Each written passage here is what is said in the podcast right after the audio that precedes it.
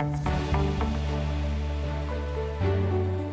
og velkommen til Pengetreet. Det er Nordeas podkast om sparing og privatøkonomi. Denne episoden er en del av en serie podkaster som tar for seg ulike tema innenfor bolig.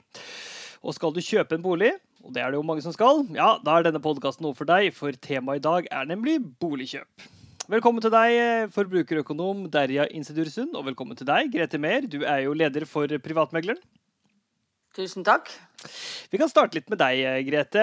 Du er jo selvfølgelig tett på boligmarkedet, og det er mange på boligjakt nå om dagen.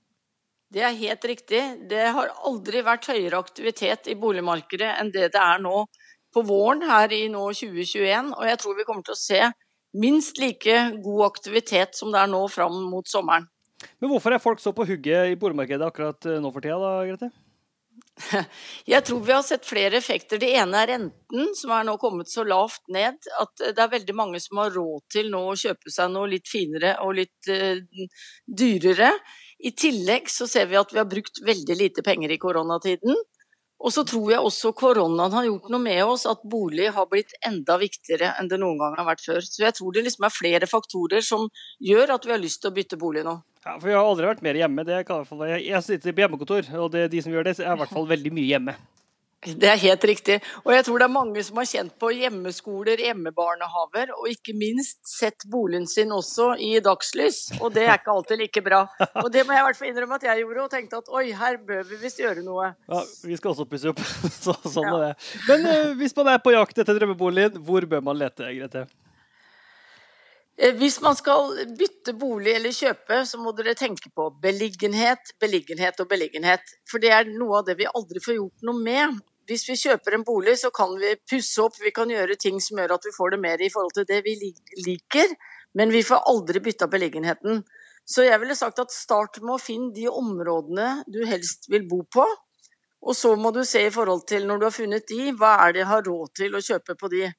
Og hvis du ser at søren, jeg har ikke råd til å kjøpe noe der jeg ser at jeg egentlig aller helst har lyst til å bo, så må du tenke på å gjøre en vurdering av skal jeg kjøpe da noe mindre i stedet, eller må jeg gå på akkord i forhold til beliggenheten. Mm. Men jeg ville sagt at ikke eh, gi for mye avkall på beliggenhet, for det er ofte der man ser man kan angre og ikke få gjort noe med det.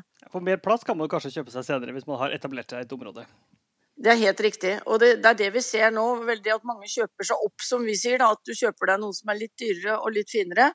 Men mm. jeg ville sagt at uh, tenk der du liksom trives i et uh, lokalområde. Det er nok kanskje det aller, aller viktigste, ville jeg sagt. Mm. Du har jo vært litt inne på det, men det er ganske mye trøkk i boligmarkedet for tida. Det er jo mange som på en måte er ute etter objektene også.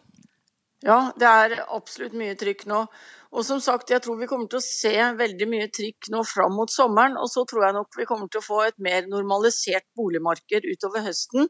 Og det tror jeg skyldes veldig mye av eh, det spesielle året vi har vært gjennom med koronaen og den ekstremt lave renten. Mm. Hva er smart å gjøre akkurat nå, da? Eh, hvis du skal selge boligen din, så ville jeg lagt den ut nå. Fordi at du, Det er ikke noe altså giftermål å legge den ut. Du kan godt gå ut og se, og se om det er interesse for boligen din, og så kan du eventuelt trekke den tilbake litt, eller vente. Men eh, jeg ville gjort det nå, fordi det er veldig god aktivitet. Det er mange kjøpere ute, så jeg ville lagt den ut nå. Hmm. Hvis du skal kjøpe bolig nå, så ville jeg også gått ut og begynt å søke og brukt tid. Men prøv å ha litt is i maven, om jeg kan si det sånn.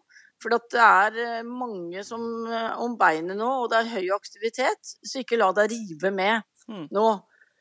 Og hvis jeg skulle gitt et råd da, så er det jo Altså, juli er en måned hvor det er få kjøpere på banen. Og man kan faktisk gjøre veldig gode kjøp da, og tilsvarende i desember. Så kanskje er det lurt å søke litt utenom det tradisjonelle høy, mm. uh, hvor det er liksom veldig høy aktivitet, men tenk kanskje heller litt motsatt. Ja, for da er det kanskje færre objekter ute, men samtidig kanskje litt mer motiverte selgere, da, altså, som kanskje ikke fikk solgt før sommeren og har litt lyst til å bli kvitt den, kanskje?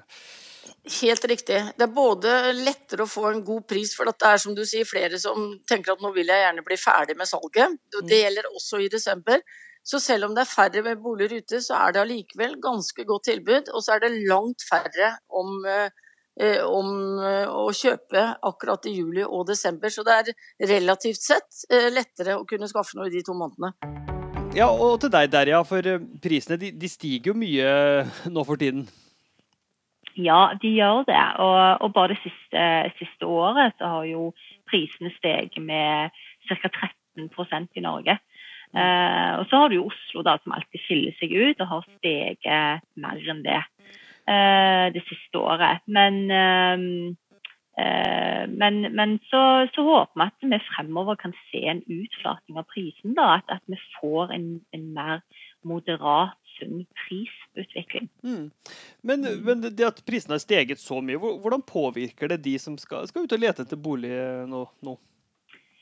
Det er, altså Mange har jo ikke råd til å kjøpe bolig, sånn som boligmarkedet nå. Eh, det er jo så dyrt. Og så, så, så, veldig mange må gjøre en god del prioriteringer og nesten hva skal jeg si, spare seg til fant.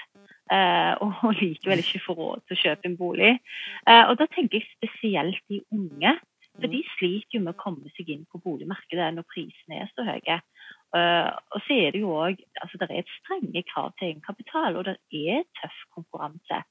Uh, så for noen så blir det jo helt håpløst uh, frustrerende. Det forstår jeg veldig godt. Mm. fordi du sparer og sparer, men, men, likevel så får du ikke råd til å kjøpe deg din egen bolig. og mange må jo få hjelp av foreldrene. Og så er det de som ikke har den muligheten til å stå utenfor. Og da får du òg en, en klasseskille. Mm. mm. Men, men hva, hva, hva, bør man på tenke på liksom privatøkonomisk ståsted når man skal ut og kjøpe bolig? Det er heftig budrunde. Hva bør man liksom ha i hodet, bakhodet? Nei, Tenk litt sånn hvilke muligheter det er. Altså, Hva kan du ha råd til? Eh, F.eks. ønsker du å flytte rett inn, eller kan du faktisk kjøpe et oppussingsprosjekt og, og gjøre ting sjøl etter hvert? Eh, Kanskje du kan se om du kan velge et område som ikke er like sentralt, men, men hvor prisnivået da er, er lavere. Eh, hvor du da kan få mer for, uh, for pengene. Mm. Um, og liksom se litt på alternativer, da. Mm. Uh, og, og, prøve å se om du kan kjøpe en bolig som det ikke er stor konkurranse om. Det er også en del liksom, finurlige løsninger som har dukket opp, litt som sagt, for det er dyrt. ikke sant? Mange kjøper f.eks. sammen med venner eller samboer. Eller, mm. hva, hva må man tenke på om man kjøper sammen med noen som man kanskje ikke er gift med, eller, eller uh, litt andre løsninger enn som vanlig? Mm. Ja, er, Da er det viktig å tenke godt over hvordan ting kan løses i praksis. Eh, og, da, og da tenker jeg at det er viktig å ha gode, skriftlige og detaljerte avtaler på plass. Enten om du kjøper sammen med en venn, eller, eller at du kjøper sammen med, med kjæresten. Eh, og altså, Du har jo sameieloven som, som regulerer sameieforholdet. Men, men loven regulerer jo ikke alt av tenkelige situasjoner. Mm. Så, så, når det kommer til eh, når det f.eks. kommer til skikk og bruk, så er det jo vanskelig å finne løsninger i lovverket. Så, så uansett, tenker jeg, hvor forelska du er, eh, eller hvor gode venner man er, så er det viktig å ha en skriftlig avtale som, som da regulerer eierforholdet. Eh, for her må du tenke at mye kan skje underveis. Kanskje du og din venn blir uvenner, eller at det blir slutt med kjæresten.